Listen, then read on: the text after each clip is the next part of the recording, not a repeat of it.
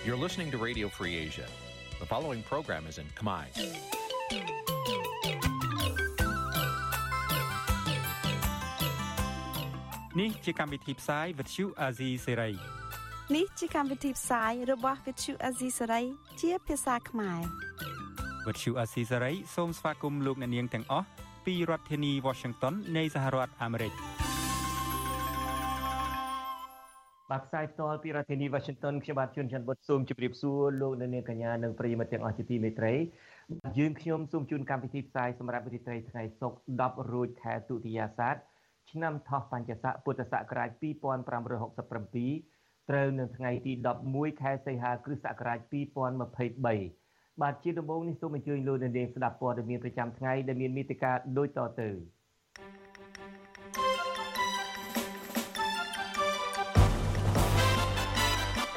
លោករំឈុននិងមន្ត្រីបកភ្លើងទៀនជិត20នាក់ទទួលបានលិខិតអនាមិកប្រមានចាប់ខ្លួន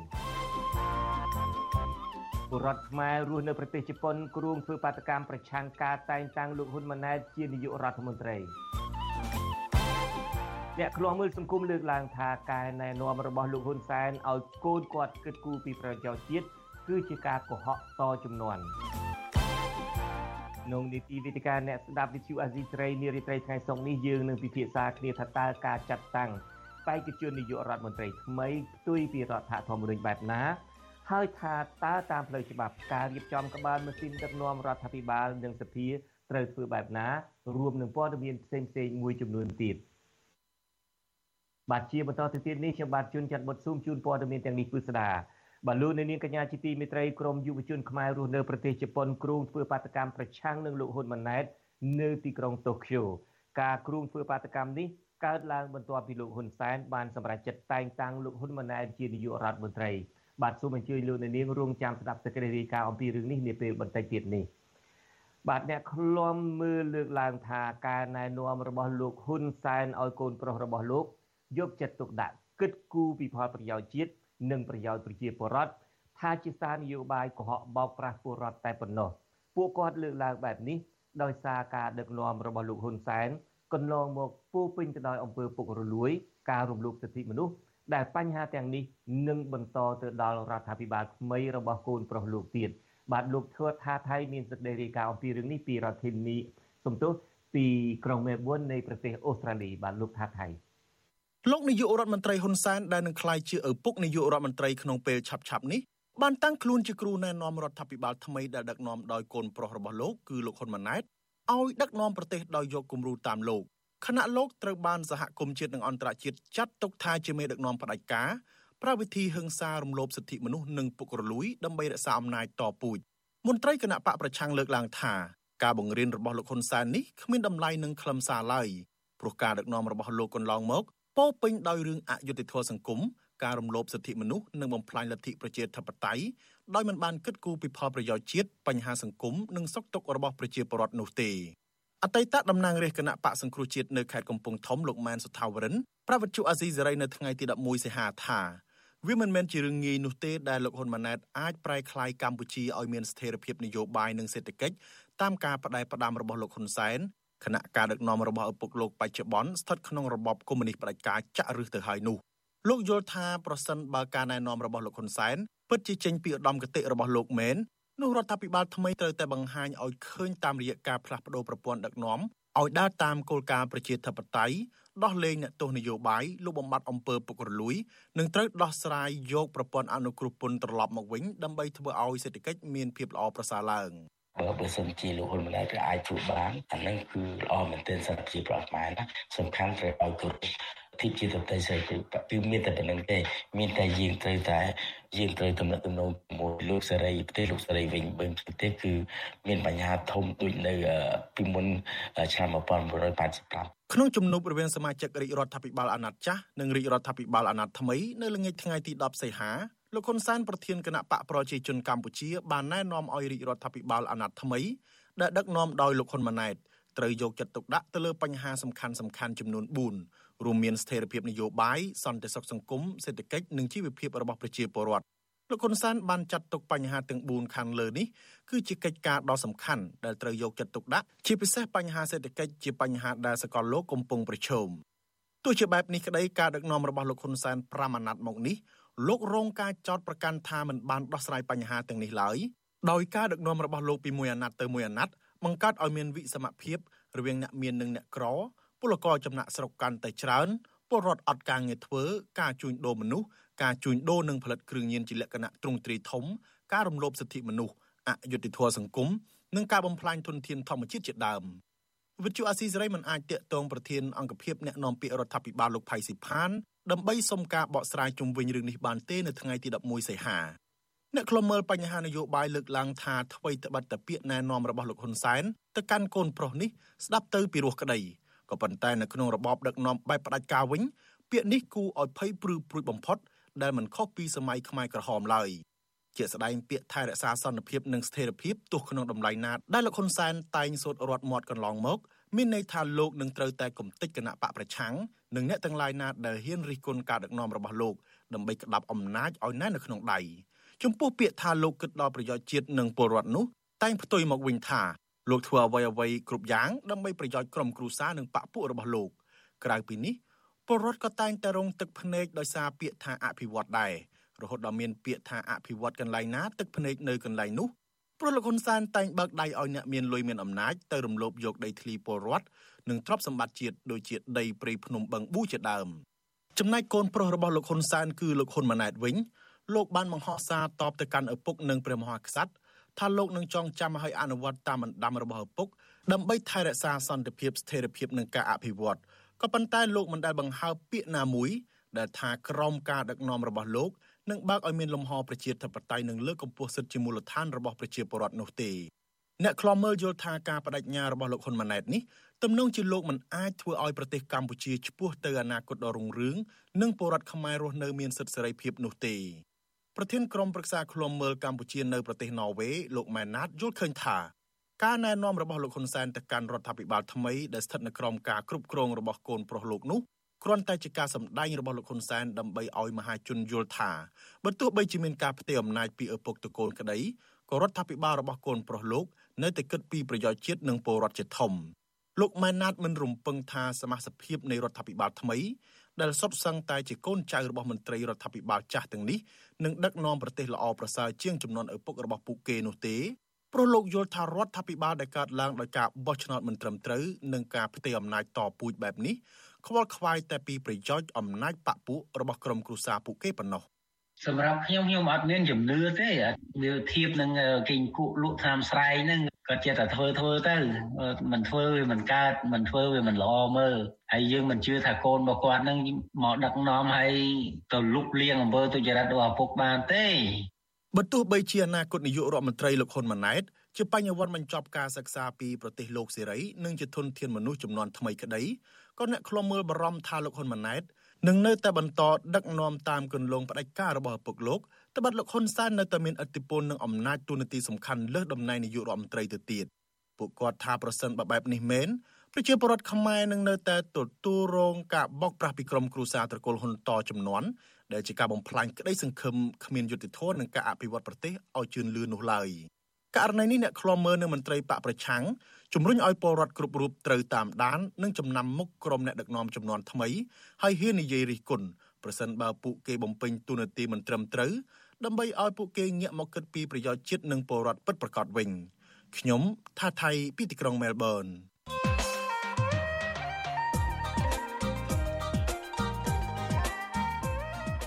បាទលោកនាងកញ្ញាជាទីមេត្រីអ្នកតាក់តែងច្បាប់អះអាងថាការបោះឆ្នោតជ្រើសតាំងតំណាងរាស្ត្រអាណត្តិទី7កាលពីថ្ងៃទី23កក្កដាកន្លងទៅនេះគឺជាការរៀបចំបោះឆ្នោតខុសច្បាប់ហើយលោកនាយករដ្ឋមន្ត្រីហ៊ុនសែនក៏បានជំរុញឲ្យព្រះមហាក្សត្រចាត់តាំងបេក្ខជននាយករដ្ឋមន្ត្រីថ្មីគឺលោកហ៊ុនម៉ាណែតខុសច្បាប់តាមលោកដែរតើការចាត់តាំងបេក្ខជននាយករដ្ឋមន្ត្រីថ្មីនេះផ្ទុយពីរដ្ឋធម្មនុញ្ញបែបណា តើតាមផ្លូវច្បាប់ការរៀបចំកបាលម៉ាស៊ីនដឹកនាំរដ្ឋាភិបាលនិងសភាត្រូវធ្វើបែបណា បាទសូមអញ្ជើញលោកនាងតាមដានចូលរួមក្នុងនីតិវិទ្យាអ្នកស្ដាប់វិទ្យុអាស៊ីសេរីដែលនឹងចាប់ផ្ដើមនាពេលបន្តិចទៀតនេះបាទសូមអរគុណ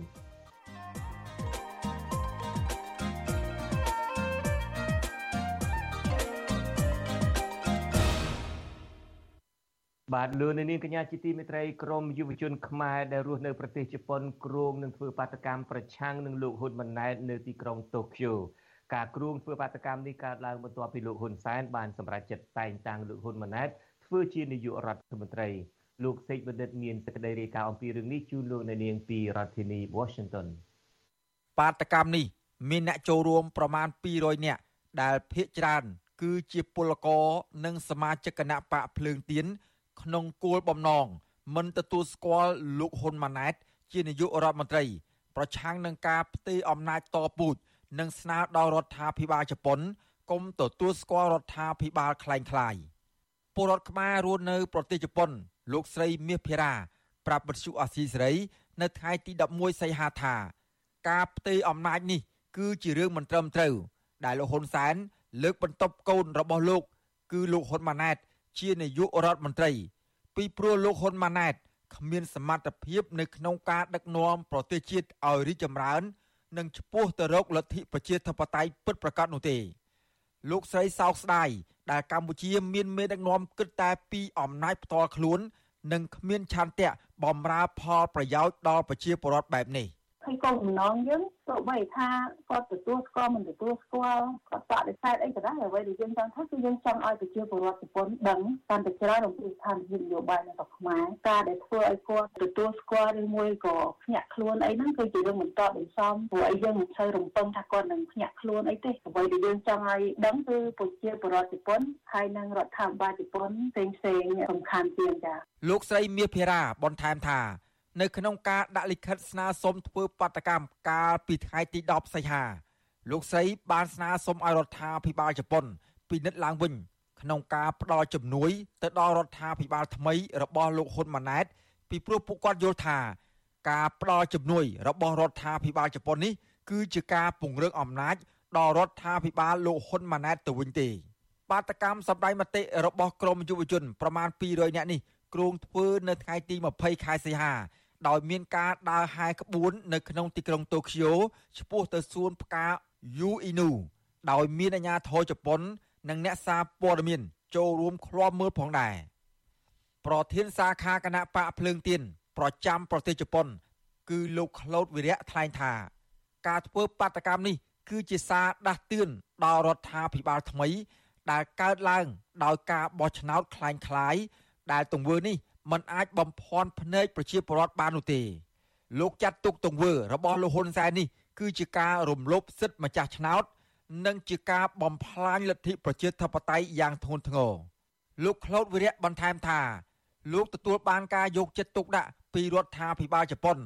ដោយរដ្ឋាភិបាលជប៉ុនខ្នះខ្នែងជួយសម្របសម្រួលដល់ពលរដ្ឋខ្មែរដែលមានបំណងធ្វើបាតកម្ម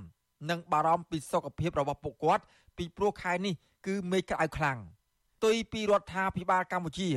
នៅពេលដែលពលរដ្ឋឬក្រមយុវជន ធ្វើបាតកម្មដោយអហិង្សាម្ដងម្ដង តែតែមានការធ្វើទុកបុកម្នេញការតាមថតរូបគម្រាមកំហែង និងប្រើអំពើហិង្សាលើក្រុមបាតកោជាដើម។ ចំពោះខ្ញុំ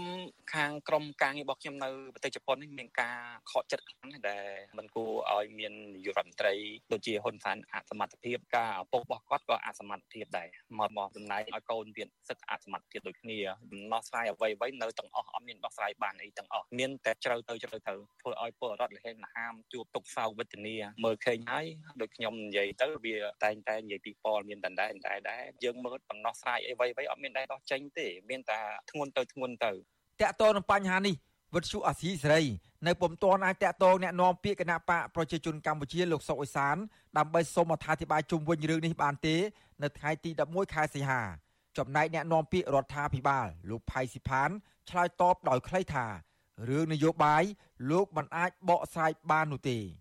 ខ្ញុំអត់រឌីហើយបើពាក់ព័ន្ធនឹងរឿងនយោបាយក៏អាដាមសុកតាំងណាអ្នកនាំពាក្យសមាគមការពារសិទ្ធិមនុស្សអាត6 លោកសង្សានករណា មានប្រសាសន៍ថា ការធ្វើបាតកម្មដោយអហិង្សារបស់ក្រមយុវជន នៅប្រទេសជប៉ុននេះគឺជាសិទ្ធិសេរីភាពរបស់ពលរដ្ឋដូច្នេះរដ្ឋាភិបាលកម្ពុជា គួរតែទទួលយកមតិរបស់ពលរដ្ឋនៅក្នុងការកែលម្អដើម្បីជាប្រយោជន៍ដល់ការដឹកនាំរដ្ឋលោកសង្សានករណាចង់ឃើញរដ្ឋាភិបាលថ្មីនេះ ចេះគិតគូរពីសុខទុក្ខពលរដ្ឋខ្មែរដោយរដ្ឋាភិបាលជប៉ុន ជាជាងចោតប្រកាន់ និងធ្វើទុកបុកម្នេញលើពលរដ្ឋស្លូតត្រង់។ គឺមានការសម្ដែងចេញពីក្តីព្រួយបារម្ភណាពីព្រោះថាប្រទេសយើងមានការប្រកាន់នៅរបបលទ្ធិប្រជាធិបតេយ្យការគោរពសិទ្ធិមនុស្សណាមានចាប់ពីស្មារតីរដ្ឋធម្មនុញ្ញផាសយើងក្រោយកិច្ចព្រមព្រៀងទីក្រុងប៉ារីសអីមកនេះយើងឃើញថាមានការអនុវត្តនឹងមិនល្អប្រសើរទេហើយថ្មីថ្មីហ្នឹងទាំងការបោះឆ្នោតនេះក៏ឃើញថាมันមានការប្រកួតប្រជែងអីដល់ស្រួចស្រាវដែរណាមានការបោះឆ្នោតក៏ពិតមែនប៉ុន្តែក្រោយពីការបោះឆ្នោតហ្នឹងយើងឃើញមានថារងការលើកឡើងពីសហគមន៍អន្តរជាតិនានារួចមកហើយកន្លងទៅក្រមយុវជន បានធ្វើបាតកម្មប្រឆាំងរបបដឹកនាំរបស់លោកហ៊ុនសែនម្ដងរួចមកហើយដែលពួកគេបានបំផ្លាញលទ្ធិប្រជាធិបតេយ្យនៅកម្ពុជា តាមរយៈការរៀបចំការបោះឆ្នោតคล้ายៗនិងផាត់ចោលគណៈបកភ្លើងទៀនដើម្បីផ្ទៃអំណាចដឹកនាំប្រទេសតពូជក្រៅពីគ្រោងធ្វើបាតកម្មប្រឆាំងលោកហ៊ុនម៉ាណែតនៅថ្ងៃទី25ខែសីហាក្រមយុវជន នឹងទៅក្រសួងការបរទេសជប៉ុនបន្តទៀតដើម្បីជំរុញឲ្យរដ្ឋាភិបាលជប៉ុនឈប់ផ្ដល់ជំនួយដល់កម្ពុជា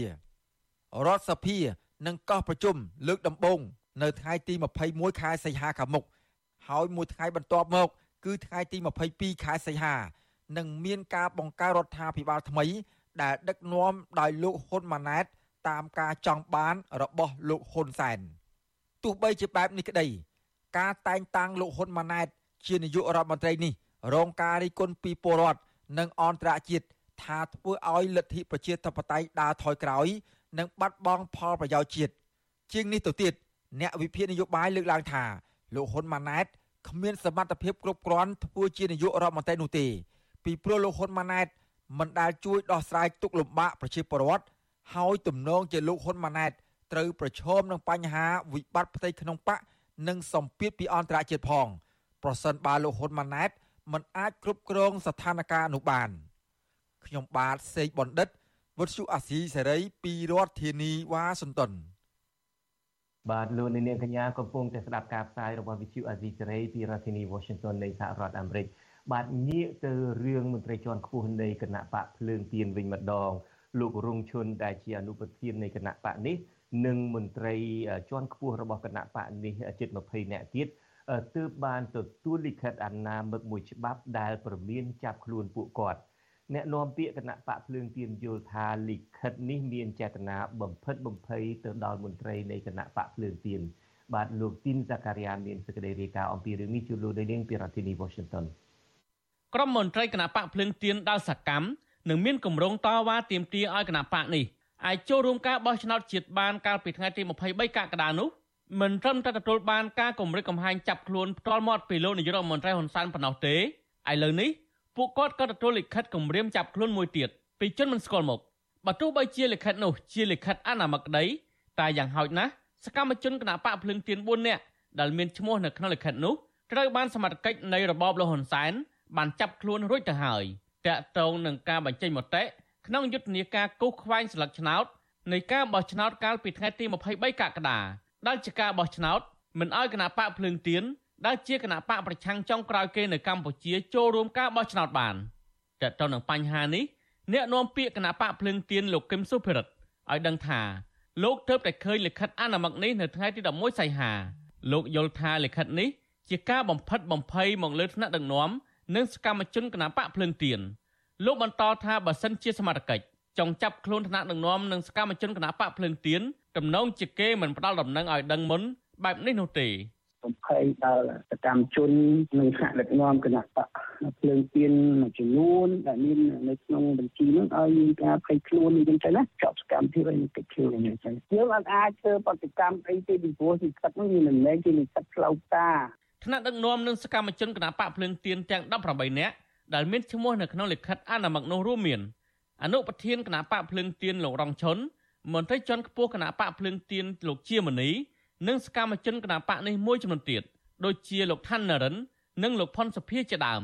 ដែលពួកគាត់កំពុងតែរស់នៅក្នុងប្រទេសកម្ពុជា ចំណែកឯសកម្មជនគណៈបកនេះចំនួន4នាក់ទៀតដែលមានឈ្មោះនៅក្នុងលិខិតគម្រាមចាប់ខ្លួនដែរនោះរួមមានលោកអេងស្រួយលោកប៊ុនខេតលោកលីរីអ្នកស្រីវងរនី និងលោកកឹមសុភាកំពុងតែជាប់ពន្ធនាគារក្នុងអំឡុងខែកក្កដា ពួកគេត្រូវបានតុលាការចោទប្រកាន់ពីបទញុះញង់ពាក់ព័ន្ធនឹងយុទ្ធនាការកោះខ្វែងស្លឹកឆ្នោតចោលនៅពេលសមត្ថកិច្ចចាប់ខ្លួនសកម្មជនគណបកភ្លើងទៀនដែលមានឈ្មោះនៅក្នុងបញ្ជីនេះជាបន្តបន្ទាប់ដូច្នេះយ៉ាងហោចណាស់សកម្មជនគណបកនេះចំនួន5នាក់បានសម្រេចរត់ភៀសខ្លួនចេញពីប្រទេសកម្ពុជាពីព្រោះបារម្ភពីសុវត្ថិភាពអនុប្រធានចលនាយុវជនថ្នាក់ជាតិគណបកភ្លើងទៀនកញ្ញាគៀតកញ្ញាឲ្យវិទ្យុអាស៊ីសេរីដឹងនៅថ្ងៃទី11សីហាថា កញ្ញាបានភៀសខ្លួនមកដល់ប្រទេសថៃជាងមួយសប្តាហ៍ហើយក្រោយពេលឃើញមានឈ្មោះរបស់កញ្ញានៅក្នុងលិខិតនោះកញ្ញាមិនដឹងពីមូលហេតុដែលកញ្ញាមានឈ្មោះនៅក្នុងលិខិតអនាមិកនោះទេទោះជាយ៉ាងណាកញ្ញាបញ្ជាក់ថាកាលពីមុនថ្ងៃបោះឆ្នោតកញ្ញាធ្លាប់បាននិយាយតាមរយៈការផ្សាយលើទំព័រ Facebook ថាបើប្រជាពលរដ្ឋមិនទៅបោះឆ្នោតក៏គ្មានទោសដែរសកម្មជនគណបកភ្លើងទៀនរូបនេះប្រាប់ថាកញ្ញាបារម្ភពីសុវត្ថិភាព ពីព្រោះក្រុមការងាររបស់កញ្ញាដែលមានឈ្មោះនៅក្នុងលិខិតគម្រាមកំហែងចាប់ខ្លួននេះមួយចំនួនត្រូវបានសមត្ថកិច្ចរដ្ឋាភិបាលលហ៊ុនសែនចាប់ខ្លួនជាបន្តបន្ទាប់ចាប់ហើយបានគាត់ចេញដីកាដល់ពេលអញ្ចឹងខ្ញុំបារម្ភទី1ដូចបញ្ហាដែលយើងឃើញចាប់គ្នាយើងបន្តបន្ទាប់ដល់អញ្ចឹងហើយបាទខ្ញុំសម្រេចចិត្តថាខ្ញុំភៀសខ្លួនចេញមកទៅពួកអីយើងឥឡូវចាប់ឆាវឆាវយកទោះបីអត់ដីកាមិនមានដីកាអីត្រូវចាប់គាត់ចាប់សំបីទៅផុស status លក្ខណៈជាភាសាមួយក៏ក៏គេចោទយើងថាយើងញុះញង់ រីឯអនុប្រធានគណៈបកភ្លឹងទៀនលោករងឈុនវិញដែលលោកមានឈ្មោះនៅក្នុងលិខិតអនាមិកគម្រាមចាប់ខ្លួនដែរនោះអះអាងថាលោកមិនព្រួយបារម្ភចំពោះការគម្រិតកំហែងនេះទេលោករងឈុនបន្ថែមថាលោកក៏មិនចាកចេញពីប្រទេសកម្ពុជានោះដែរពីព្រោះថាលោកគ្មានប្រព្រឹត្តទង្វើអ្វីខុសច្បាប់នោះឡើយយើងមិនបានប្រព្រឹត្តកំហុសអ្វីដូច្នេះគ្មានអ្វីដែលយើងត្រូវភ័យខ្លាចទេ ចឹងសូមឲ្យសកម្មជនគណៈបកភ្លើងទៀនក៏ដូចជាអ្នកគ្រប់គ្រងក្តីយើងត្រូវតែរឹងមាំត្រូវតែក្លាហាន ដើម្បីធ្វើម៉េចចូលរួមជួយសង្គមយើងដើម្បីស្ពោះទៅឲ្យមានការគោរពសិទ្ធិមនុស្សនិងលទ្ធិប្រជាធិបតេយ្យពីព្រោះលិខិតនេះវាជាលិខិតអនាមិកប៉ុន្តែគាត់ថាវាជា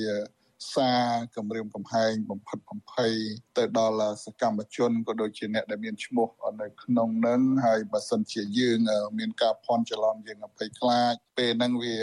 យើងនឹងបាត់បង់ឱកាសចូលរួមការជួយសង្គមយើងត្រូវមានសេចក្តីក្លាហានហើយយើងត្រូវប្រកាសថាយើងគ្មានកំហុសអ្វីដែលត្រូវឲ្យគេចាប់ខ្លួននាំខ្លួននោះទេបាទជុំវិញនឹងលិខិតអនុម័តព្រមានចាប់ខ្លួនមន្ត្រីគណៈបកភ្លើងទៀននេះដែរ វិទ្យុអាស៊ីសេរីមិនអាចតាក់ទងអ្នកនាំពាក្យអគ្គស្នងការនគរបាលជាតិលោកឆៃកំខឿននិងអ្នកនាំពាក្យគណៈបកកណ្ដាលអំណាចបានទេនៅថ្ងៃទី11សីហារីឯប្រធានអង្គភិបអ្នកនាំពាក្យរដ្ឋាភិបាលលោកផៃសិផានសូមមិនបកស្រាយលើរឿងនេះទេដែលលោកបញ្ជាក់ថាលោកអស់ភារកិច្ចក្នុងការផ្ដល់បទសម្ភាសន៍ដល់អ្នកសារព័ត៌មានទៀតហើយលោកជំរុញឲ្យសួរនាំបញ្ហានេះពីបេក្ខជនរដ្ឋមន្ត្រីក្រសួងព័ត៌មានថ្មីគឺលោកណេតភេត្រាទោះបីជាបែបនេះក្តី វិទ្យុអាស៊ីសេរីមិនអាចសុំការបំភ្លឺពីលោកនិតភេត្រាបានទេនៅថ្ងៃទី11សីហានេះចំណែកឯអ្នកនាំពាក្យក្រសួងមហាផ្ទៃលោកខៀវសុភ័ក្រឲ្យវិទ្យុសំឡេងសារ៉ាអាមេរិក VOA ដឹងថាសមត្ថកិច្ចមិនជាប់ពាក់ព័ន្ធនឹងលិខិតនេះទេទោះបីជាបែបនេះក្តីប្រធានអង្គការសម្ព័ន្ធភាពការពារសិទ្ធិមនុស្សកម្ពុជាហៅកាត់ថាច្រាក់លោករស់សុថាយល់ឃើញថាលិខិតគម្រាមនេះជាសញ្ញាមួយប្រាប់ទៅថ្នាក់ដឹកនាំនិងសកម្មជនគណបកភ្លឹងទៀនគួរតែមានការប្រុងប្រយ័ត្នហើយលិខិតនេះ ក៏ជាការប្រមានលើសកម្មជនគណបកប្រឆាំងផងដែរលោកបន្ថែមថាគណបកភ្លើងទៀនគួរតែជូនដំណឹងនេះទៅសមត្ថកិច្ចឲ្យបានដឹងដើម្បីមានវិធានការទោះបីជាបែបនេះក្តីមន្ត្រីសិទ្ធិមនុស្សរូបនេះចង់ឃើញរដ្ឋាភិបាលថ្មីគួរតែយកចិត្តទុកដាក់ជួយដោះស្រាយបញ្ហាដល់គណៈបកភ្លើងទៀន។ ខ្ញុំជឿជាក់ថារដ្ឋាភិបាលថ្មីពិសេសក្រសួងមហាផ្ទៃជាអ្នកពាក់ព័ន្ធនយោបាយពាក់ព័ន្ធ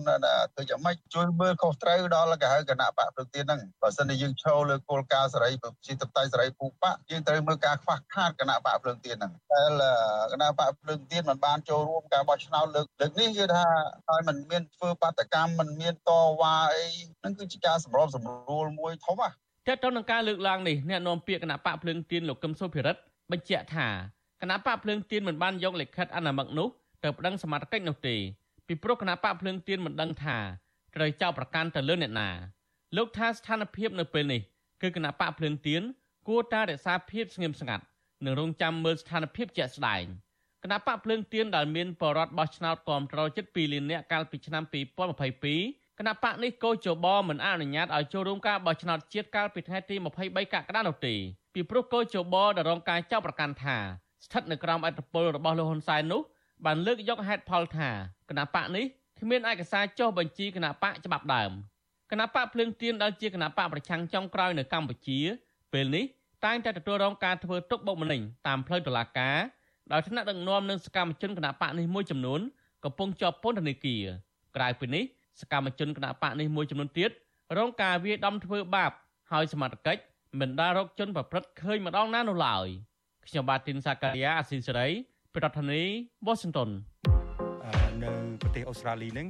គេមានការរៀបចំតាមពិតតំណាងរាស្ត្រនឹងរៀបចំ ដើម្បីស្នើទៅឲ្យរដ្ឋាភិបាលនឹងបង្កើតច្បាប់មួយដើម្បីអឺដូចជាដាក់ទណ្ឌកម្មអញ្ចឹងទៅទៅលើមនុស្សដែលមកប្រទេសអូស្ត្រាលីនឹងជាពិសេសខ្មែរនឹង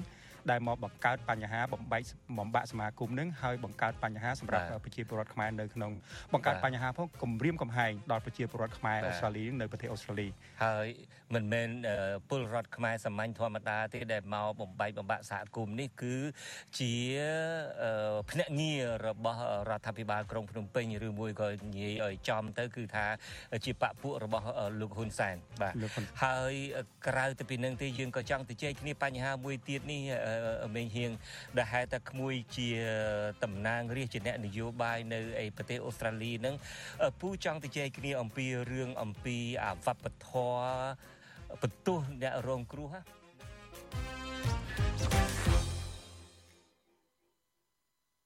បាទលោកនាងកញ្ញាជាទីមេត្រីដោយលោកនាងបានឃើញបន្តិចហើយក្នុងសប្តាហ៍នេះខ្ញុំបាទជួនច័ន្ទបុតរួមជាមួយនឹងលោកសំពូលីហើយដោយមានវាគ្មិនកិត្តិយសរបស់យើងពីប្រទេសអូស្ត្រាលីគឺលោកតាក់មេហៀងដែលជាតំណាងរាស្ត្រប្រចាំរដ្ឋវីកតូរីយ៉ាដើមកំណើតខ្មែរយើងជជែកគ្នាដោយផ្ដោតជាសំខាន់ទៅលើថាតើ យើងនៅកម្ពុជានឹងដែលធ្លាប់មានវប្បធម៌បន្ទោសជនរងគ្រោះនឹងតើធ្វើបែបណាដើម្បីឲ្យយើងអាចមើលឃើញអំពីការពិតជាក់ស្ដែងហើយយើងអាចរកអ្នកដែលបង្ករឿងនឹងជាជាងទៅនឹងបន្ទោសអ្នករងគ្រោះនោះហើយខ្ញុំបាទជឿថាលោកអ្នកនាងនឹងប្រកាសជាមានប្រយោជន៍ច្រើនប្រសិនបើលោកអ្នកនាងស្ដាប់កិច្ចសន្ទនារបស់យើងតាក់ទងទៅនឹងវប្បធម៌បន្ទោសជនរងគ្រោះនេះ ហើយការផ្សាយរបស់យើងនៅលើកម្មវិធី podcast នេះនឹងចាក់ផ្សាយនៅព្រឹកថ្ងៃសៅរ៍មកនៅប្រទេសកម្ពុជា ហើយយើងយកទៅចាក់ផ្សាយឡើងវិញនៅក្នុងកម្មវិធីវិទ្យុរបស់យើងនៅក្នុងការផ្សាយវិទ្យុនារាត្រីថ្ងៃច័ន្ទបាទលោកនាងកញ្ញាជាទីមេត្រីមន្ត្រីអង្គការសង្គមស៊ីវិលស្នើឲ្យនាយករដ្ឋមន្ត្រីថ្មីគឺលោកហ៊ុនម៉ាណែត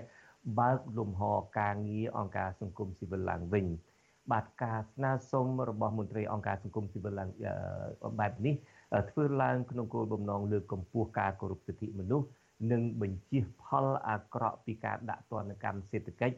ដែលនឹងធ្វើឲ្យប៉ះពាល់ដល់ជីវភាពប្រជាពលរដ្ឋទូទាំងប្រទេសបាទលោកយ៉ងច័ន្ទរា មានសេចក្តីរាយការណ៍អំពីរឿងនេះពីរដ្ឋធានី Washington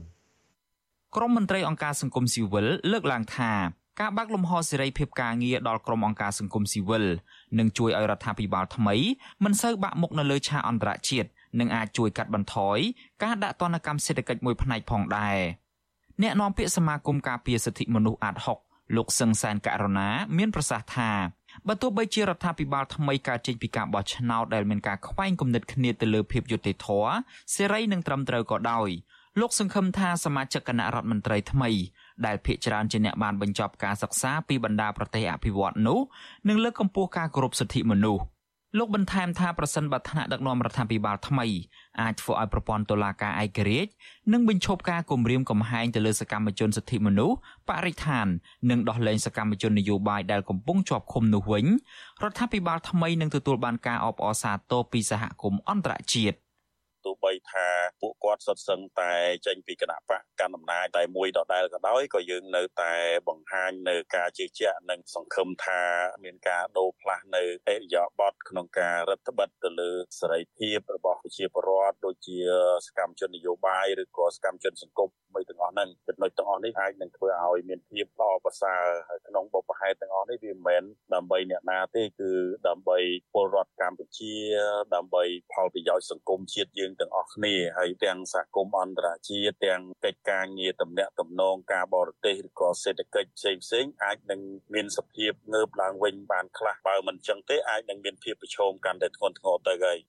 កន្លងទៅ អង្គការជាតិនិងអន្តរជាតិនិងបណ្ដាប្រទេសនាំមុខលទ្ធិប្រជាធិបតេយ្យបានថ្កោលទោសយ៉ាងខ្លាំងចំពោះការរំលោភសិទ្ធិមនុស្សពីសំណាក់រដ្ឋាភិបាលលោកហ៊ុនសែន ជាពិសេសការប្រើប្រាស់អំណាចផ្ដាច់ការរបស់លោក ដែលបានយកប្រព័ន្ធតុលាការជាឧបករណ៍នយោបាយដើម្បីកាត់ទោសកម្មជននយោបាយដែលមិននិន្នាការផ្ទុយពីលោកទន្ទឹមគ្នានេះអាញាធរកម្ពុជាបានរដ្ឋបិទលំហសេរីភាពអង្គការសង្គមស៊ីវិល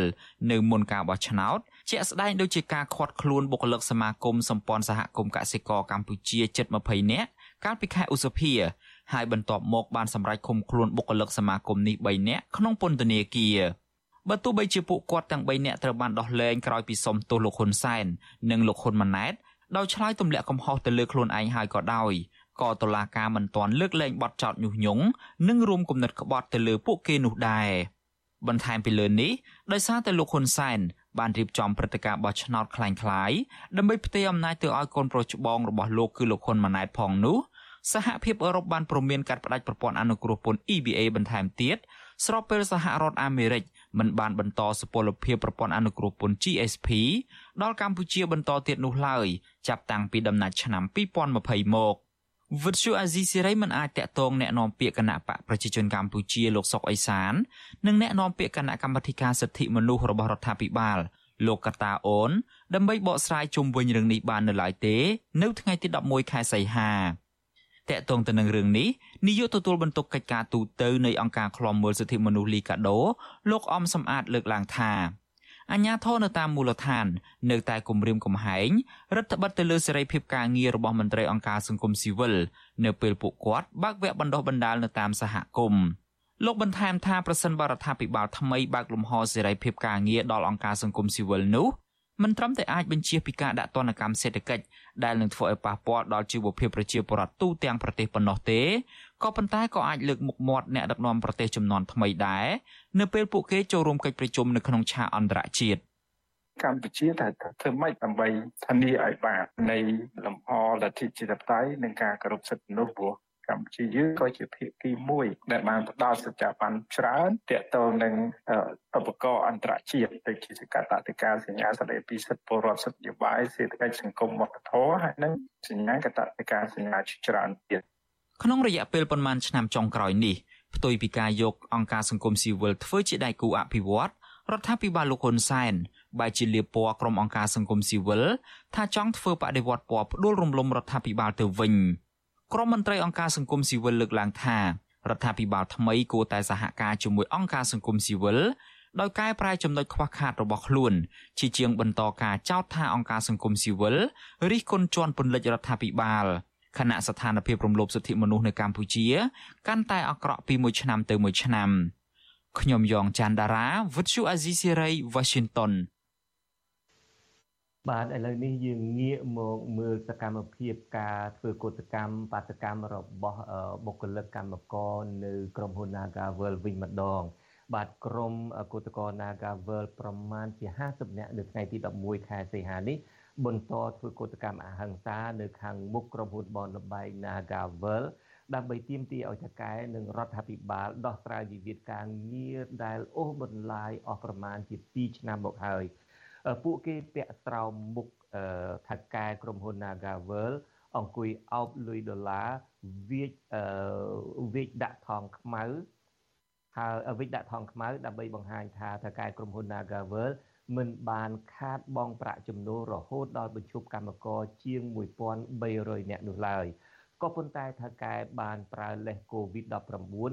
ហើយទម្លាក់ចុះប្រាក់ចំណេញជាលេសរំសាយសហជីព Nagavel មួយវិញទៀតគឧតកោប្រើក្រដាស់ឡាំងពណ៌សធ្វើជាសញ្ញត្តិបៀបង្ហាញពីប្រាក់ចំណេញសុទ្ធរបស់ក្រុមហ៊ុន Nagavel ជាង80លានដុល្លារគិតត្រឹមឆ្នាំទី1ឆ្នាំ2023នេះសញ្ញត្តិបៀនោះក្រុមគឧតកោជ្រើសយកសញ្ញត្តិអត់ធូមជាងគេបងអស់ដែលបង្ហាញថាក្រុមហ៊ុន Nagavel គឺជាក្រុមហ៊ុនមួយដែលទទួលប្រាក់ចំណូលច្រើនជាងគេបើទោះបីជាអំឡុងពេលជំងឺរាតត្បាត COVID-19 ក៏ដោយចុះ។ ក្រុមហ៊ុន Nagavel គិតត្រឹមឆមាសទី1ឆ្នាំ2023នេះអាចរកចំណូលបានជាង260លានដុល្លារកើនឡើងជាង20លានដុល្លារធៀបនឹងឆ្នាំពេលដូចគ្នាកាលពីឆ្នាំ2022ដែលក្រុមហ៊ុននេះរកបានប្រមាណ240លានដុល្លារមួយវិញទៀតក្រុមហ៊ុននេះរកប្រាក់ចំណេញសុទ្ធជាង80លានដុល្លារកើនឡើងជាង30លានដុល្លារបើធៀបទៅនឹងប្រាក់ចំណេញសុទ្ធកាលពីឆ្នាំ2022 ដែលកាលនោះចំណេញប្រមាណ50លានដុល្លារសហរដ្ឋអាមេរិកតំណាងគឧតកោ Nagavel គឺលោកស្រីពៅរស្មីប្រាប់វិទ្យុអាស៊ីសេរីនៅថ្ងៃទី11សីហាថាលោកស្រីខកចិត្តចំពោះប្រព័ន្ធតុលាការដែលមិនអាចស្វែងរកយុត្តិធម៌ជូនកម្មករបាន តែបែរជាចោទប្រកាន់ទៅលើប្រធានសហជីពកញ្ញាឈឹមស៊ីធដែលការពារសិទ្ធិកម្មករទៅវិញលោកស្រីស្នើដល់រដ្ឋាភិបាលដោះស្រាយបញ្ចប់វិវាទការងារនេះ ដឹកនាំហើយនឹងក៏ដូចជាក្រសួងពាក់ព័ន្ធនានាគួរតែលើកយករឿងនេះជាធំពីព្រោះរឿងនេះគឺជាផលប្រយោជន៍បុគ្គលិកកម្មករក៏ដូចជាប្រជាជនកម្ពុជាយើងទាំងអស់គ្នាបើសិនជាក្រសួងពាក់ព័ន្ធមិនអើពើមិនរវល់ជាមួយនឹងតកែ Nagawal នេះវាគឺជាគំរូអាក្រក់មួយដើម្បីឲ្យនយោជកដតីទៀតធ្វើគំរូអាក្រក់តាមតកែ Nagawal ជាក់ស្ដែងគឺគេបញ្ឈប់បុគ្គលិកតាមតែអំពើចិត្តចង់ជួការងារចង់បញ្ឈប់គឺអត់មានសំណង ដែលផលវិបាកមិនមែនក្រសួងមិនមែនតកាយក្រុមហ៊ុនតែគឺជាបុគ្គលិកកម្មករ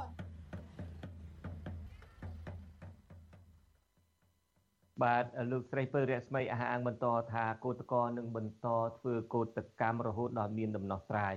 វិទ្យុអាស៊ីស្រីនៅមើលពុំទាន់អាចតាក់ទងแนะនាំពាក្យក្រសួងការងារគឺលោកហេងសួរដើម្បីសាកសួរពីបញ្ហានេះបានទេនៅថ្ងៃទី11ខែសីហានេះ ក្រុមកោតក្រនៃក្រុមហ៊ុនបនលបៃ Nagavel បានធ្វើកោតកម្មទាមទារឲ្យតកែក្រុមហ៊ុននិងរដ្ឋាភិបាលដោះស្រាយវិវាទការងារអស់រយៈពេលជិត2ឆ្នាំហើយក៏ប៉ុន្តែមិនទាន់មានដំណោះស្រាយនៅឡើយផ្ទុយទៅវិញអាញាធរបានចោទប្រកាន់លើតំណាងគឧតកោនិងផ្ដន់ទោសពួកគេពីចន្លោះ1ឆ្នាំទៅ2ឆ្នាំក្រោមបទចោទញុះញង់បង្កឲ្យមានភើភាពវឹកវរធ្ងន់ធ្ងរដល់សន្តិសុខសង្គម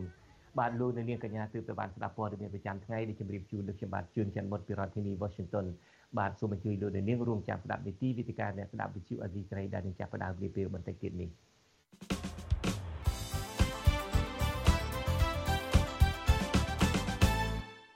បាទជាបន្តទៅទៀតនេះគឺជានីតិវិទ្យាអ្នកស្ដាប់វិទ្យុអាស៊ីសេរី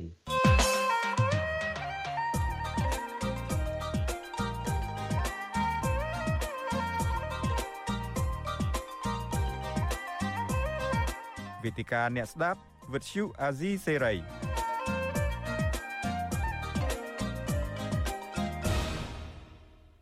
បាទលោកនាងកញ្ញាជាទីមេត្រីខ្ញុំបាទជួនច័ន្ទបាត់សូមស្វាគមន៍លោកនាងកញ្ញាជាថ្មីម្ដងទៀតនៅក្នុងកម្មវិធីវិទ្យនីតិវិទ្យាអ្នកស្ដាប់វិទ្យុអាស៊ីសេរីដែលយើងមានវិក្កាមកិត្តិយសពីររូបចូលយើងតាមប្រព័ន្ធចូលរួមជាមួយយើងតាមប្រព័ន្ធវីដេអូ Skype ហើយវាគ្មិនទាំងពីររូបនោះសុទ្ធតែអ្នករស់នៅសហរដ្ឋអាមេរិកទាំងអស់ក៏ប៉ុន្តែសុទ្ធតែជាអ្នកដែល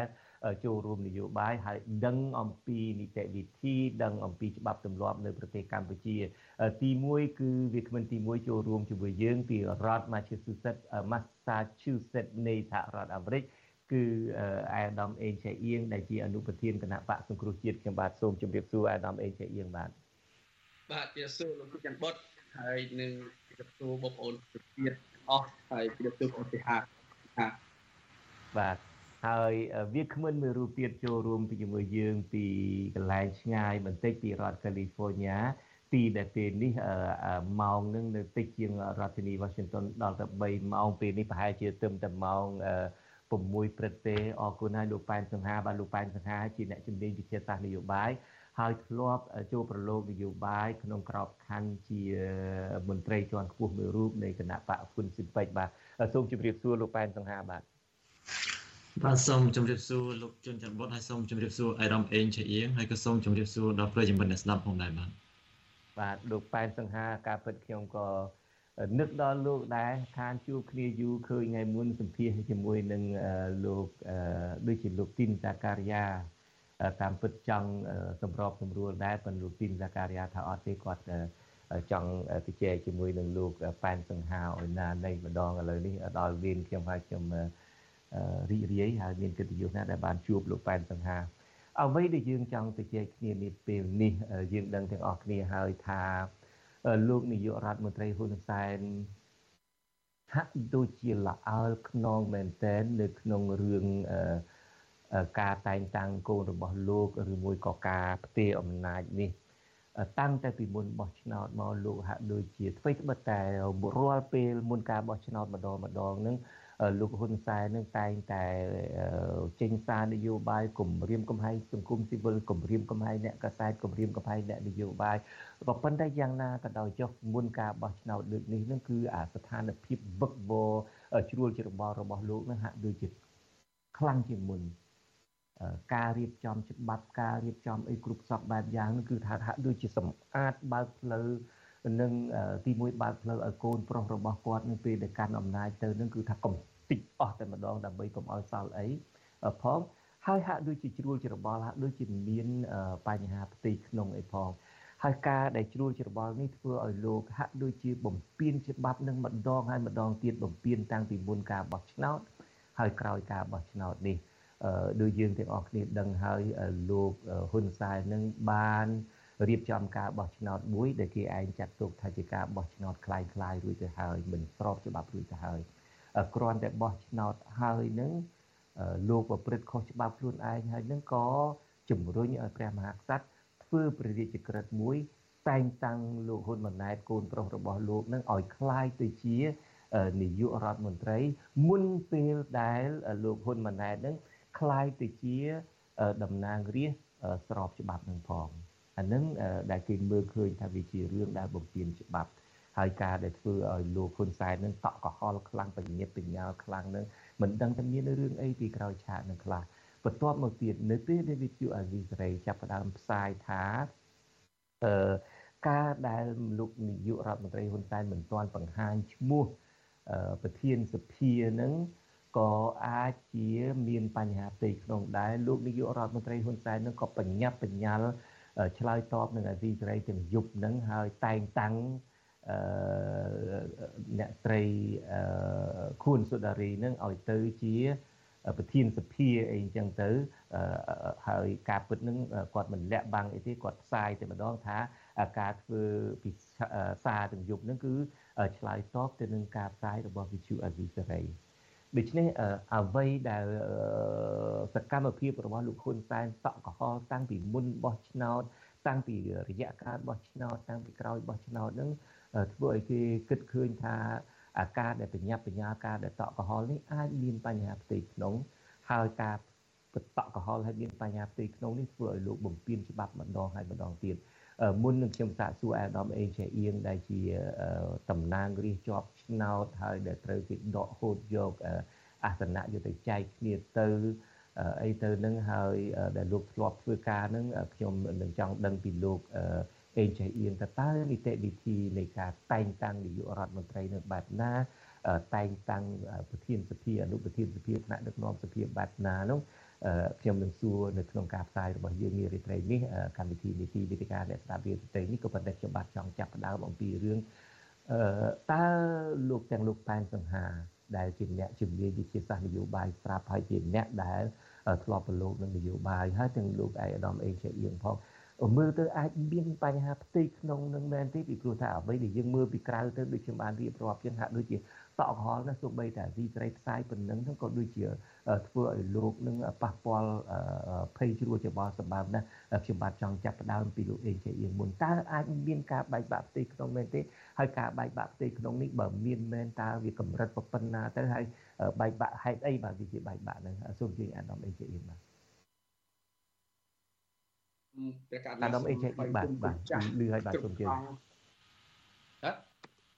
លឺហ៎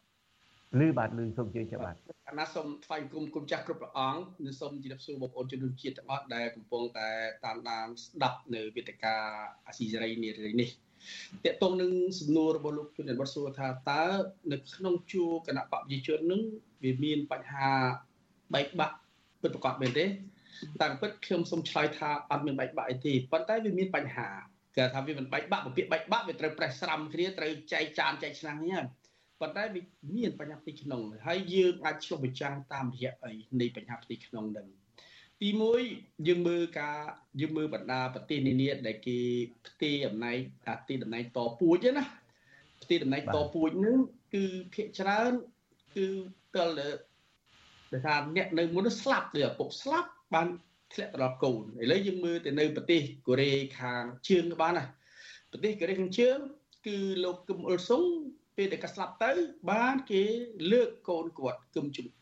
ដែលគឹមជំអ៊ីលឲ្យឡើងជាអ្នកដឹកនាំហើយបន្ទាប់មកគឹមជំអ៊ីលស្លាប់បានគឹមជំអ៊ីលឡើងអញ្ចឹងបីថាបើយើងមើលទៅរបៀបដែលទីតំណែងតពូជហ្នឹងគឺគឺប្រទេសនានាដែលយើង មើលឃើញហ្នឹងគឺគេថាប្រទេសពេលដែលថាអ្នករៀបច្បងមុនស្លាប់បានអ្នកបន្ទាប់ឡើងមកប៉ុន្តែនៅក្នុងស្ថានភាពប្រទេសកម្ពុជាមិនក៏ហ៊ុនសែនគាត់មិនទុកឲ្យស្ថានភាពបែបហ្នឹងមិនក៏គាត់មិនអង្គុយលើកៅអីនាយករដ្ឋមន្ត្រីហ្នឹងរហូតដល់ពេលណាមួយដែលគាត់នឹងទទួលមរណភាពហ្នឹងគឺអត់ទេគាត់ត្រូវរៀបចំមុនអញ្ចឹងបែរថាអាទាំងអស់ហ្នឹងវាឆ្លោះបញ្ចាំងថាវាមានបញ្ហាផ្ទៃក្នុងពោហ៊ុនសែនគាត់មិនហ៊ានគាត់មិនប្រថុយទេបើចាំតែគាត់ ដេកនៅលើក្រេឬក៏បណ្ដាំតាមរយៈបណ្ដាំមរតកហ្នឹងណាវាច្បាស់ជាជាមិនបានទៅលើកូនគាត់អញ្ចឹងបានយើងឃើញគាត់ចាប់ផ្ដើមរៀបចំចុងក្រោយនេះយើងមើលអាចឆ្លុះបញ្ចាំងថាវាមានបញ្ហាពីរដែលលោកហ៊ុនសែនកំពុងប្រឈមនឹងបើអ្វីដែលខ្ញុំនិយាយចម្លើយមើលណាគឺបញ្ហាផ្ទៃក្នុងមួយដែលគាត់មើលឃើញថាបើសិនចាំដល់គាត់នៅលើក្រេងើបរីរួចกับផ្ទៃគឺផ្ទះចេញទី1ទី2 គឺវាអាចតាក់ទងនឹងបញ្ហាសុខភាពដែរព្រោះគាត់មិនចង់ឲ្យភាពចៃដន្យទេដោយគាត់យល់មើលពីលោកហ៊ុនណេងដែលគាត់ស្លាប់ទៅនឹងមានបានប្រាប់មុននេះណាអានឹងអាចជាចំណុចដែលធ្វើហ៊ុនសែនត្រូវរៀបចំហើយត្រូវតែពន្លឿនវាឃើញគាត់ពន្លឿនលឿនមែនតើណាគឺពន្លឿនឲ្យគាត់ទៅកែច្បាប់ដោយគាត់មិនទុកចិត្តទីក្នុងនឹងគឺទី1គឺគាត់ទៅកែច្បាប់កែរដ្ឋធម្មនុញ្ញនឹងដើម្បីដកសិទ្ធិពីអ្នកដែលស្នើចាត់ ស្នើតែងតាំងបេក្ខភាពនាយករដ្ឋមន្ត្រីនឹងពីប្រធានអនុប្រធានរដ្ឋសភាទាំងពីរក៏ដកសិទ្ធិចេញមកក៏ដាក់មកជាប្រធានគណៈបកនឹងគាត់គាត់ដកអានឹងគាត់ទៅកែនឹងទៅឲ្យប្រធានគណៈបកហ្នឹងជាអ្នកស្នើទៅស្ដេចតែម្ដងទី1ទី2យើងមើលឃើញរបៀបដែលគាត់ធ្វើបច្ចុប្បន្ននេះដែលគាត់ធ្វើមែនទេហ្នឹងបែរថាបើថានៅក្នុងចិត្តអាផ្ទៃក្នុងរបស់គាត់ហ្នឹងវាមិនស្រួលហើយអញ្ចឹងគាត់ត្រូវបញ្ចុតប្រយែងគាត់ត្រូវបញ្ចុតប្រយែងគឺយើងឃើញ គាត់បារម្ភខ្លាចណោះបើសិនជាឲ្យចាំហ៊ុនម៉ាណែតប្រកាសសុពលភាពជាតារាងរាជសិនបានគាត់ស្នើទៅស្ដេចដើម្បីឲ្យចាត់តាំងនឹងគឺក៏បារម្ភទៀតខ្លាចវាមានបញ្ហាវាខ្លាចមានបញ្ហានៅពេលដែលប្រកាសសុពលភាពប្រកាសអីហ្នឹងពេលវេលាអញ្ចឹងអញ្ចឹងមកកាត់ធ្វើកាត់កាត់ឲ្យមានធ្វើតាមទៅបីអាច្បាប់ដែលកាត់កែហើយហ្នឹងគឺគាត់អត់ធ្វើទៀតអត់ធ្វើតាមទៀតអាហ្នឹងសិតតែជាចំណុចដែលគាត់ព្រួយបារម្ភសិតតែការព្រួយបារម្ភ សិតតែព្រួយបារម្ភនេះវាចេញមកពីប្រទេសក្នុងទាំងអស់វាអត់មានព្រួយបារម្ភពីខាងក្រៅទេយ៉ាងអញ្ចឹងគាត់ទៅការរៀបចំឃើញការរៀបចំការរៀបចំខ្លួនគាត់គឺគាត់ឡើងនឹងទៅកាន់ទៅកាន់ព្រឹទ្ធសភាប្រធានព្រឹទ្ធសភាហើយយើងឃើញសារគាត់មួយទៀតវាគួរឲ្យចង់សើចដែរគាត់ថាអ្នកដែលឈ្មោះព្រឹទ្ធសភានឹងគួរតែចាប់ពីអាយុ74ឆ្នាំឡើងទៅណាកុំឲ្យឲ្យ74ឆ្នាំចុះក្រោមគាត់ទុកខ្លួនគាត់គាត់71គាត់71អញ្ចឹងគាត់ត្រូវបង្ខំគាត់ត្រូវបង្ខំឲ្យចាស់ចាស់ហ្នឹង ដែលមានអាយុរៀបច្បងដែលជាចាស់ទុំមើលណាគឺឲ្យចេញទាំងអស់ទៅទុកតែគាត់មួយទៅដើម្បីគ្រប់គ្រងអ្នកដែលក្មេងៗហ្នឹងចឹងគាត់ធ្វើប្រិនប្រជាឃើញគាត់សម្រាប់សិទ្ធិជាអ្វីដែលគាត់ការពារឥឡូវយើងមើលនៅយើងទៅមើលប្រធានរដ្ឋសភាមិនបើគាត់ដាក់លោកស្រីខួនសដារីណាមិនគឺគាត់ធម្មតាវាជាធម្មតាគេអាចដាក់បើថាប្រធានចូលនិវត្តន៍គេត្រូវដាក់អនុប្រធានទី1លោកជាមយាប ឬគេអាចដាក់អិសរាជជនដែលមកពីគណៈបព្វជិជនចិនខ្ពស់ដោយលោកសខេងឬលោកពីបាញ់ឬលោកម៉ែនសំអនឬអីយ៉ាងណាប៉ុន្តែហ៊ុនសែនគាត់អត់ទុកចិត្តព្រោះបើសិនជាលោកសខេងឬលោកជាយាបឡើងធ្វើជាប្រធានរដ្ឋសភាអញ្ចឹងកូនគាត់ធ្វើជានាយករដ្ឋមន្ត្រីអញ្ចឹងរដ្ឋសភាអាចប្រើប្រាស់អំណាចអាចប្រើប្រាស់អំណាចដើម្បីមានតុល្យភាពនឹងដើម្បីឆ្លើយតបជាមួយនឹងអ្វីដែលនាយករដ្ឋមន្ត្រី តពូជឡើងតាមជាខោឪនឹងធ្វើអញ្ចឹងគឺអត់ទុកចិត្តទេគាត់ត្រូវជ្រើសរើសមនុស្សណាម្នាក់ដែលជាមនុស្សរបស់គាត់មនុស្សរបស់គាត់របស់ប្រពន្ធគាត់ដូចអ្នកស្រីខុសតារីហ្នឹងជាមនុស្សរបស់ប្រពន្ធគាត់បើយើងនិយាយពីវ័យរបស់គាត់ហ្នឹងវ័យលោកស្រីខុសតារីហ្នឹងគឺជាវ័យដែលត្រូវចូលនិវត្តន៍ដូចគ្នាហ្នឹងប៉ុន្តែគេត្រូវលើកឲ្យធ្វើប្រធានរដ្ឋសភាហ្នឹងគឺដើម្បីការពារកុំឲ្យវាមានបញ្ហាកើតឡើងទៅលើរដ្ឋាភិបាលបន្តវេបន្តពូជរបស់គាត់ហ្នឹងអញ្ចឹង គាត់អត់ឲ្យទៅសខេងឬឲ្យទៅទៀតបានអាដាមជាអីគេអៀងលើចំណុចនេះឡើងធ្វើឲ្យខ្ញុំក៏ចាប់អារម្មណ៍ដែរអាដាមក្នុងបកហ្នឹងពេលកប្រជុំហ្នឹងគាត់ថាចុះបើឲ្យទៅសម្ដេចសខេងចុះសម្ដេចទាបាញ់ទៅធ្វើអីអញ្ចឹងអនុប្រធានទាំង4ហ្នឹងត្រូវនៅធ្វើតំណាងរាជសាមញ្ញឬប្រតិភិសាមញ្ញដោយលោកសៃឈុំហ្នឹងហើយគឺមកនៅកន្លែងឧត្តមក្រុមប្រសាទីព្រះមហាក្សត្រទៅអាហ្នឹងគឺអញ្ចឹងកាត់យកពាក្យបិចហ្នឹងថា បាច់ទេអនុប្រធានបកទាំង4ហ្នឹងមិនបាច់ធ្វើអីទេអញ្ចឹងសុខចិត្តឲ្យទៅអ្នកណាដែលមិនមែនជាអនុប្រធានទេគេក៏យកពាក្យថាអី gender អញ្ចឹងណាណាមិនមែន gender ទេអានោះគាត់ថាជាជាការបិទបាំងលបឡែមួយសម្រាប់ភាសាដើម្បីគាត់និយាយទៅកាន់មហាជនគាត់និយាយទៅកាន់ការអ្នកការទូតនិយាយទៅកាន់ស្ត្រីអីចឹងទេប៉ុន្តែពិតគឺដើម្បីការពារអំណាចរដ្ឋាភិបាលដែលកូនគាត់ ឡើងមកហើយគាត់នឹងបញ្ជានេះគឺទាំងអស់នឹងអាព្រឹត្តិការណ៍ទាំងអស់អាហេតុការណ៍ទាំងអស់ដែលកើតឡើងនឹងគឺវាបង្ហាញថានៅក្នុងប្រទេសក្នុងនឹងវាមានមានបញ្ហាប៉ុន្តែថាឲ្យបែកបាក់ដូចខ្ញុំបញ្ជាក់ជូនហ្នឹងវាអត់មានអីទេព្រោះបើមើលឃើញបើយើងនិយាយឲ្យខ្លីទៅភាពបែកបាក់នៅក្នុងប្រទេសក្នុងណាមួយនៅក្នុងក្រុមណាមួយហ្នឹងទាល់តែក្រុមនីមួយៗហ្នឹងវាបាត់ផលប្រយោជន៍ធំធេងអានឹងបាត់ទ្រាំលេខបានប៉ុន្តែនៅក្នុង ទីក្នុងរបស់គណៈបព្វជិជននឹងវាមិនងាយនឹងដាច់ចេញពីគ្នាបានទេព្រោះដោយសារមនុស្ស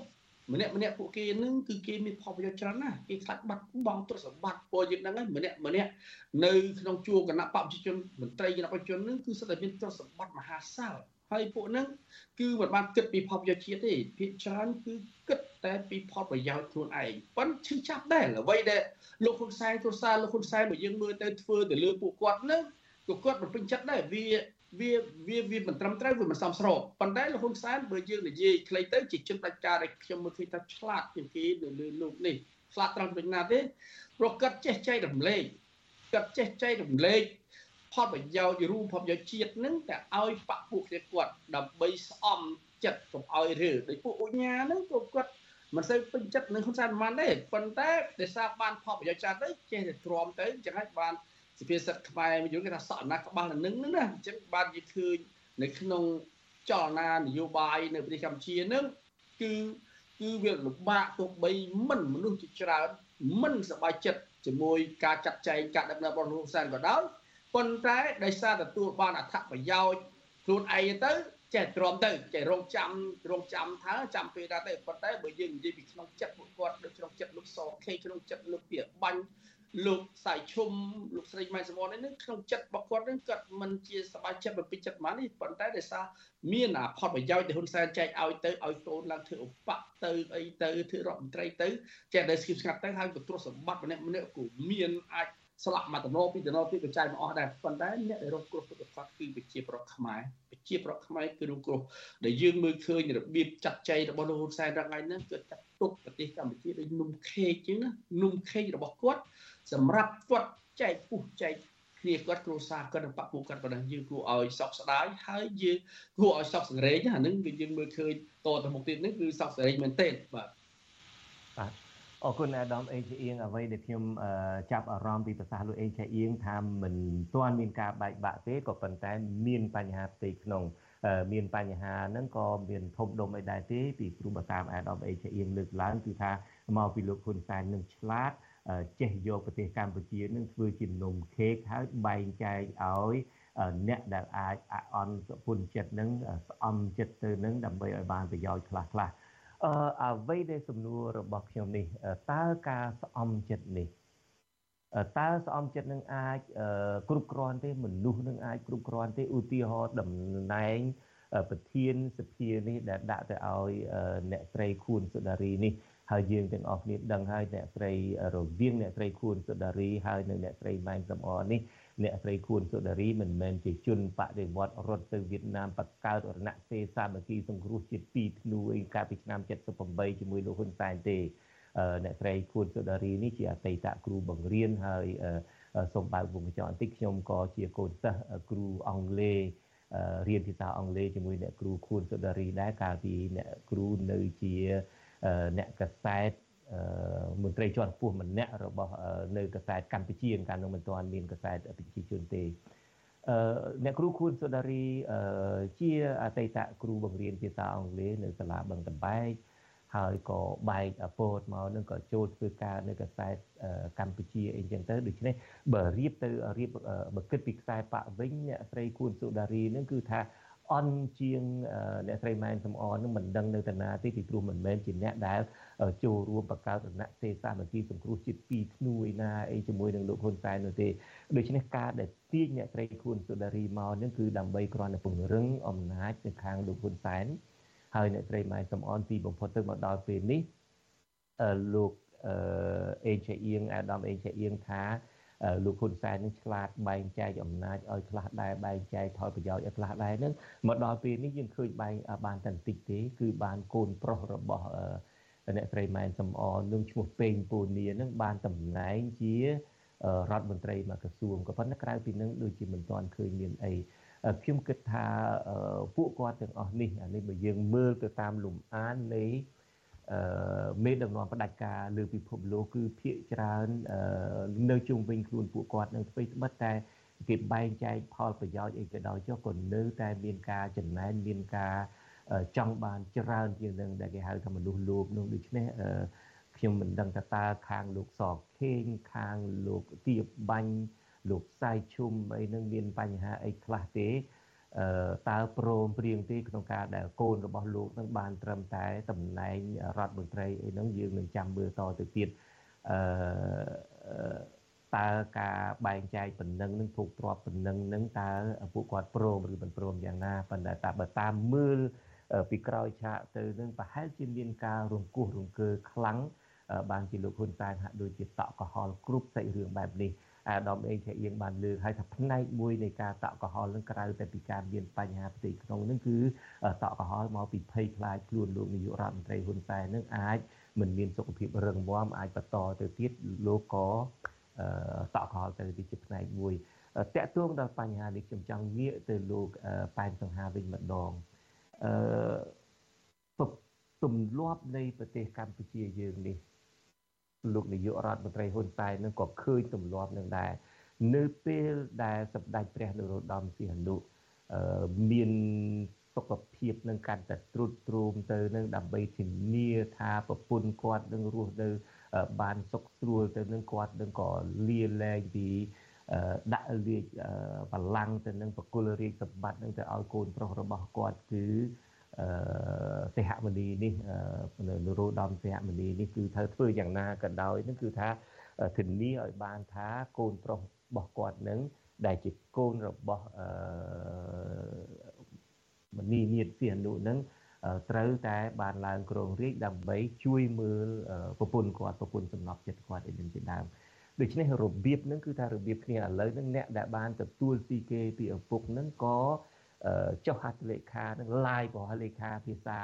ស្ដេចនឹង live របស់លេខានឹងទៅលើការជំរុញរបស់លោកហ៊ុនសែននឹងដើម្បីតែងតាំងហ៊ុនម៉ាណែតនឹងឲ្យធ្វើជានាយករដ្ឋមន្ត្រីដោយបំពេញ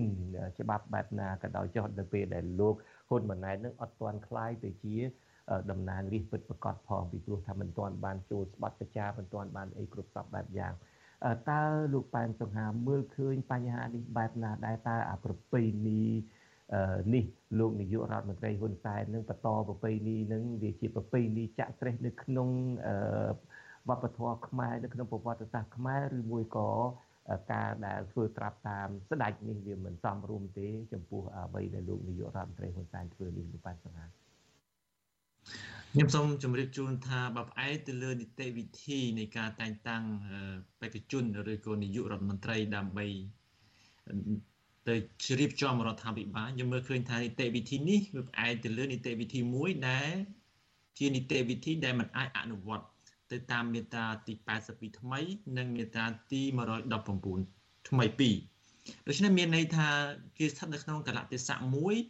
ដែលមើលឃើញថានីតិវិធីធម្មតាมันអាចអនុវត្តបានដូច្នេះនៅពេលសួរថាតើហេតុអ្វីនីតិវិធីធម្មតាมันអាចអនុវត្តបានពីព្រោះនៅពេលនេះយើងឃើញថាមានតែគណៈបកប្រជាជនទេដែលមានអាសនៈច្រើនរហូតដល់ទៅ120អាសនៈដូច្នេះវាអត់មានឧបសគ្គណាមួយ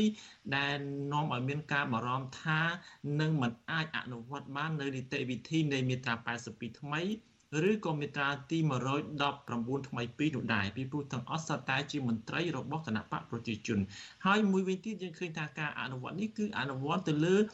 មាត្រានៃការធ្វើច្បាប់ធម្មនុញ្ញបន្ថែមខ្ញុំសូមរំលឹកទៅលើការធ្វើច្បាប់រដ្ឋធម្មនុញ្ញបន្ថែមនេះគឺថាវាជាហេតុផលមួយមិនសមស្របទេគឺថាការដែលធ្វើរដ្ឋធម្មនុញ្ញបន្ថែមនេះគឺតាំងតែពីឆ្នាំ2004មកម្ល៉េះ យើងឃើញថាពីនោះគឺជាការបង្កើតរដ្ឋាភិបាលចម្រុះរវាងគណៈបកប្រជាជនកម្ពុជានិងគណៈបកហ្វុនស៊ីមពេចហើយក៏គ្មានហេតុផលណាមួយដែលត្រូវឲ្យមានការបារម្ភថាมันមានការបោះឆ្នោតជ្រើសរើសនាយករដ្ឋមន្ត្រីបន្ទាប់ពីការបង្កើតសភាយើងឃើញហើយថាមុនឆ្នាំ2000ខ្ញុំបាទសូមកាត់លោកប៉ែនសង្ហាដើម្បីសូមជម្រាបលាលោកនាងកញ្ញាដែលកំពុងតាមដានស្ដាប់ការផ្សាយរបស់យើងនៅលើវិទ្យុរលកធាតុអាកាសខ្លីខ្ញុំបាទសូមគោរពលាតែប៉ុណ្ណេះហើយសូមអញ្ជើញលោកនាងនៅតាមដានស្ដាប់